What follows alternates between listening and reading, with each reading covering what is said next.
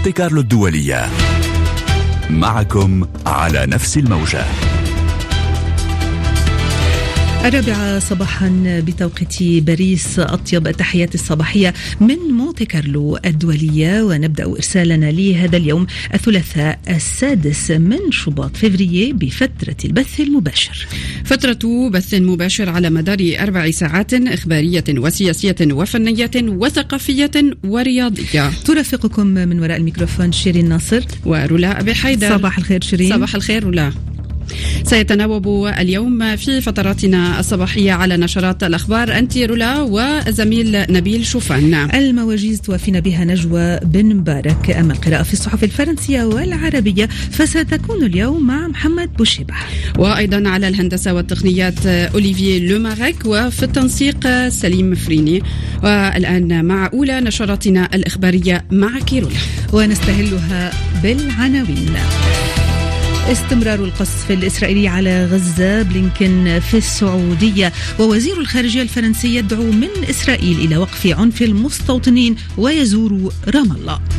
قلق في مجلس الأمن الدولي من تصعيد التوترات في الشرق الأوسط. البرلمان السنغالي يرجئ الانتخابات الرئاسية إلى نهاية العام. أتال في برلين لإعطاء دفع جديد للعلاقات الفرنسية الألمانية. مونتي كارلو الدولية. نشرة الأخبار. أهلا بكم في موازاة حركة دبلوماسية كثيفة أمريكية وفرنسية في المنطقة وقلق أممي بشأن الوضع في الشرق الأوسط. التصعيد مستمر في غزة. الضربات الإسرائيلية متواصلة على القطاع والحصيلة الإجمالية للقتلى الفلسطينيين. لامست السبعة والعشرين ألفا وخمسمائة منذ بدء الحرب. نبدأ أولا بالوضع الميداني مع نجوى بن بارك.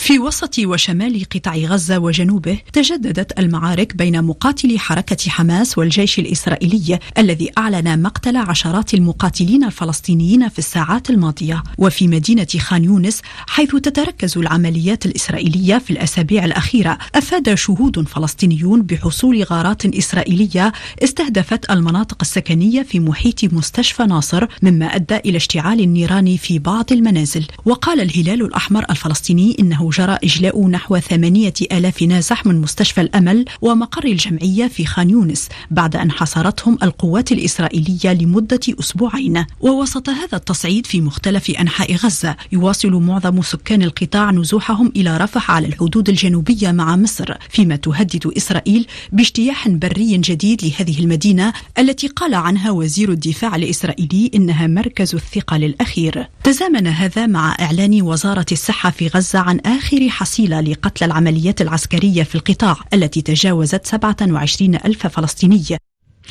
وفي موازاة هذا التصعيد تتكثف الجهود الدبلوماسية لوقف العنف والتوصل إلى إتمام صفقة تبادل الأسرى والرهائن وعقب لقائه في القدس. رئيس الوزراء الإسرائيلي بنيامين نتنياهو قال وزير الخارجية الفرنسي ستيفان سيجورني إنه لا يمكن أن يحصل بأي حال من الأحوال أي تهجير قسري للفلسطينيين من غزة ولا من الضفة الغربية المحتلة. سيجورني الذي يقوم بجولة في الشرق الأوسط لمحاولة الدفع باتجاه هدنة في القتال الدائر في القطاع دعا إلى وقف عنف المستوطنين الإسرائيليين في الضفة الغربية وإلى تسوية سياسية شاملة مع دولتين تعيشان بسلام جنبا إلى جنب. ملف الجبهة اللبنانية والتصعيد في البحر الأحمر كان حاضرين أيضا في لقاءات سيجورني كما ينقل زياد حلبي من القدس. لم تخلو المحادثات التي اجراها وزير الخارجية الفرنسي مع المسؤولين الإسرائيليين من التوتر والخلافات في الملفين الرئيسيين جبهة لبنان والحرب على قطاع غزة. وزير الخارجية الإسرائيلي أوضح بأن الوقت ينفذ وأن إسرائيل معنية بحل دبلوماسي لكنها جاهزة للخيار العسكري ضد حزب الله. في الوقت الذي كان طرح فيه المبعوث الأمريكي هوكشتن مبادرة من مرحلتين انسحاب حزب الله من المنطقة الحدودية في مقابل عودة السكان الإسرائيليين إلى المستوطنات الشمالية ومن ثم العمل على حل للخلافات الحدودية البرية بين إسرائيل ولبنان. في ملف قطاع غزة تتعرض إسرائيل لضغوط أوروبية وأمريكية لتغيير طبيعة القتال والذهاب سريعا لصفقة تبادل اسرى رغم أن نتنياهو كرر رفضه ابرام صفقة بكل ثمن وتعهد كما وزير الدفاع الإسرائيلي باستمرار الحرب. زياد حلبي القدس مونتي كارلو الدولية. ومن إسرائيل توجه سيجورني إلى رام الله في الضفة الغربية المحتلة والتقى وزير الخارجية الفرنسي آه، نظيره الفلسطيني رياض مالكي ومن ثم الرئيس الفلسطيني محمود عباس من جهته وصل وزير الخارجية الأمريكي أنتوني بلينكن إلى السعودية في جولة جديدة تهدف إلى وضع حد دائم للحرب بين إسرائيل وحماس. وبحسب المتحدث باسم وزارة الخارجية الأمريكية فإن بلينكن وولي العهد السعودي الأمير محمد بن سلمان بحثا في التنسيق الإقليمي من أجل التوصل إلى وضع حد دائم للأزمة في غزة. أحمد الدحاني من الرياض. اجتمع ولي العهد السعودي الأمير محمد بن سلمان مع وزير الخارجية الأمريكي أنطوني بلينكن وفي رأس أولويات الاجتماع تلبية الاحتياجات الإنسانية في غزة ومنع مزيد من التوتر الإقليمي وتوسع الصراع. ولي العهد السعودي والوزير بلينكن ناقشا الحاجة للحد من التوتر الإقليمي بما يشمل ضمان أمن البحر الأحمر. بلينكن قال بعد الاجتماع التقيت بولي العهد وسنواصل الانخراط سويا في الجهود الدبلوماسية لمنع اتساع رقعه الصراع في المنطقة وزيادة المساعدات الإنسانية العاجلة إلى غزة وضمان وصولها. جولة بلينكن الخامسة لمنطقة الشرق الأوسط ستشمل أيضا قطر ومصر وإسرائيل والضفة الغربية وستركز على مقترح الهدنة وسبل التوصل لتسوية تجنب المنطقة توترا خطيرا يراه الوزير الأمريكي هو الأشد منذ حرب العام 1973 أحمد الديحاني الرياض متكا للدولية. المحطة السعودية تأتي في مستهل جولة ستقوده أيضا إلى إسرائيل ومصر وقطر. تزامنا دعت روزماري دي كارلو نائبة الأمين العام للأمم المتحدة للشؤون السياسية جميع الأطراف إلى الحقول دون تصعيد التوترات في الشرق الأوسط وذلك خلال اجتماع عقده مجلس مجلس الأمن بدعوى من موسكو وواجهت فيه الولايات المتحدة اتهامات روسية وصينية بصب الزيت على النار بسبب ضرباتها الانتقامية الأخيرة في سوريا والعراق من واشنطن علي برده. بمثابة صب الزيت على النار وصفت روسيا والصين الضربات الانتقامية التي نفذتها الولايات المتحدة ضد أهداف إيرانية أو موالية لإيران في كل من العراق وسوريا. المندوب الروسي فاسيلي نيبنزيا اعتبر أن الضربات الأمريكية تهدف بشكل متعمد إلى تأجيج الصراع. نظيره الصيني تشون تشانغ رجح أن تفاقم الإجراءات الأمريكية ما سماه حلقة الانتقام المفرغة. في الشرق الأوسط. أما نائب المندوبة الأمريكية روبرت وود فدافع عما اعتبره إجراءات ضرورية ومتناسبة اتخذتها بلاده دفاعا عن النفس.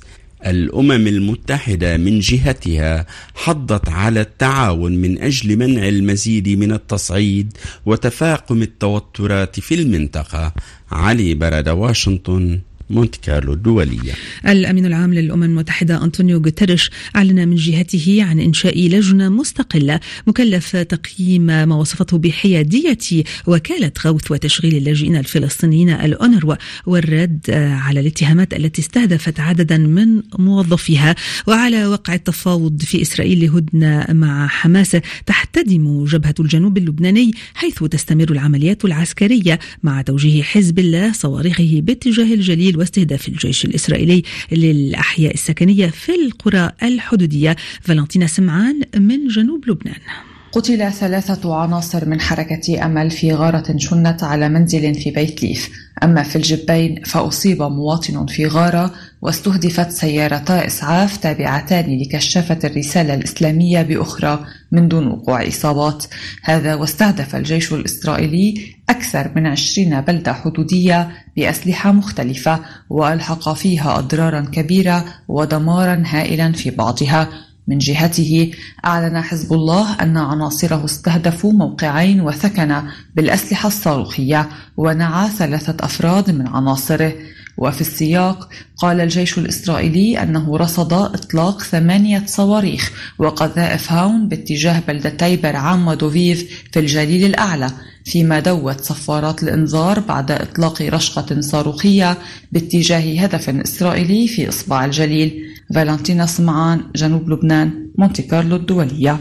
وبخصوص التصعيد في البحر الأحمر قال الجيش الأمريكي إن قواته نفذت غارة دفاعا عن النفس على طائرتين مسيرتين تابعتين للحوثيين في اليمن. أنتم دائما في الاستماع إلى نشرة الرابعة صباحا من مونتي كارلو الدولية. وافق البرلمان السنغالي على تأجيل الانتخابات الرئاسية إلى الخامس عشر من ديسمبر كانون الأول رغم احتجاجات عامة دفعت بعض نواب المعارضة إلى عرقلة الإجراءات لحين تدخل قوات الأمن. مراسلنا في دكار تيرنو بشير. تم هذا التصويت تحت مراقبة شديدة من رجال الدرك بعد أن أرقل المعارضون الجلسة العامة لأكثر من ساعة وتنتهي ولاية الرئيس ماكيسال رسميا في الثاني من أبريل ويأتي مشروع القانون المثير للجدل من الحزب الديمقراطي السنغالي الذي أعلن المجلس الدستوري رفض ملفات زعيمه كريم واد بسبب الجنسية المزدوجة. ويأتي ذلك في أعقاب قرار اعتمدته الجمعية الوطنية بهدف إنشاء لجنة تحقيق برلمانية تحدف إلى تسليط الضوء على اتهامات مزعومة بالفساد وتضارب المصالح تستهدف بعض أعضاء المجلس الدستوري من جانبه رد المجموعة البرلمانية لاعتلاف المعارضة.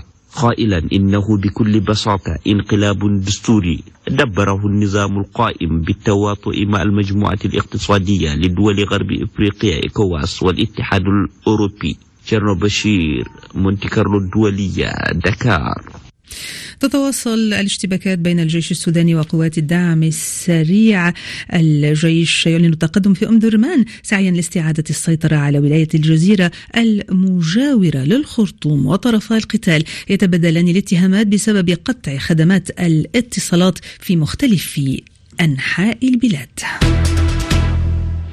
استهل رئيس الحكومة الفرنسية الجديد جابرييل أتال أول زيارة يقوم بها إلى برلين بلقاء المستشار أولاف شولتز وقد تبادل إثره في مؤتمر صحفي مشترك التأكيد على تطابق وجهتي نظر الحكومتين بشأن مواصلة الدعم المالي والعسكري لأوكرانيا في مواجهة الغزو الروسي من برلين منصف سليمي.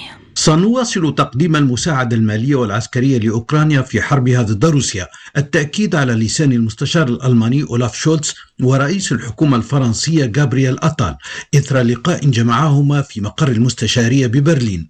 في زيارته الأولى إلى برلين أوضح أتال أن الدعم لن يقتصر على الموارد المالية بل يشمل أيضا تزويد كييف بأسلحة بمعايير عالية.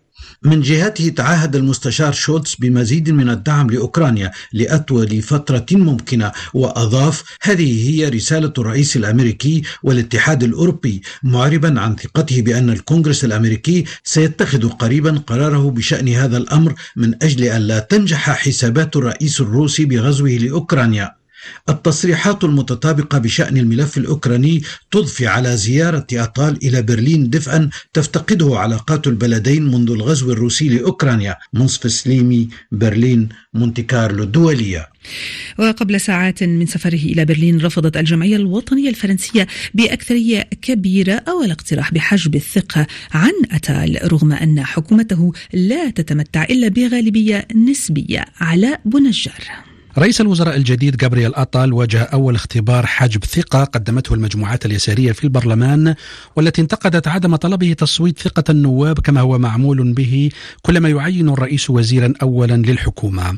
مقترح المعارضة اليسارية نال ثقة 124 نائبا ولم يحظى بثقة مجموعات المعارضة الأخرى من يمين محافظ ويمين متطرف حيث تحتاج أي مذكرة سحب ثقة إلى تصويت 289 نائبا لإسقاط الحكومة. أحزاب اليسار تأخذ على حكومة أطال أنها تحارب الفقراء وتنتقد مواقف رئيس الوزراء وتقول إنه مجرد منفذ لتعليمات الرئيس ماكرون. رئيسة الوزراء السابقة إليزابيث بورن كانت بطلة مذكرات سحب الثقة وواجهت 31 مذكرة كادت واحدة تطيح بها بفارق تسعة أصوات إبان أزمة نظام المعاشات.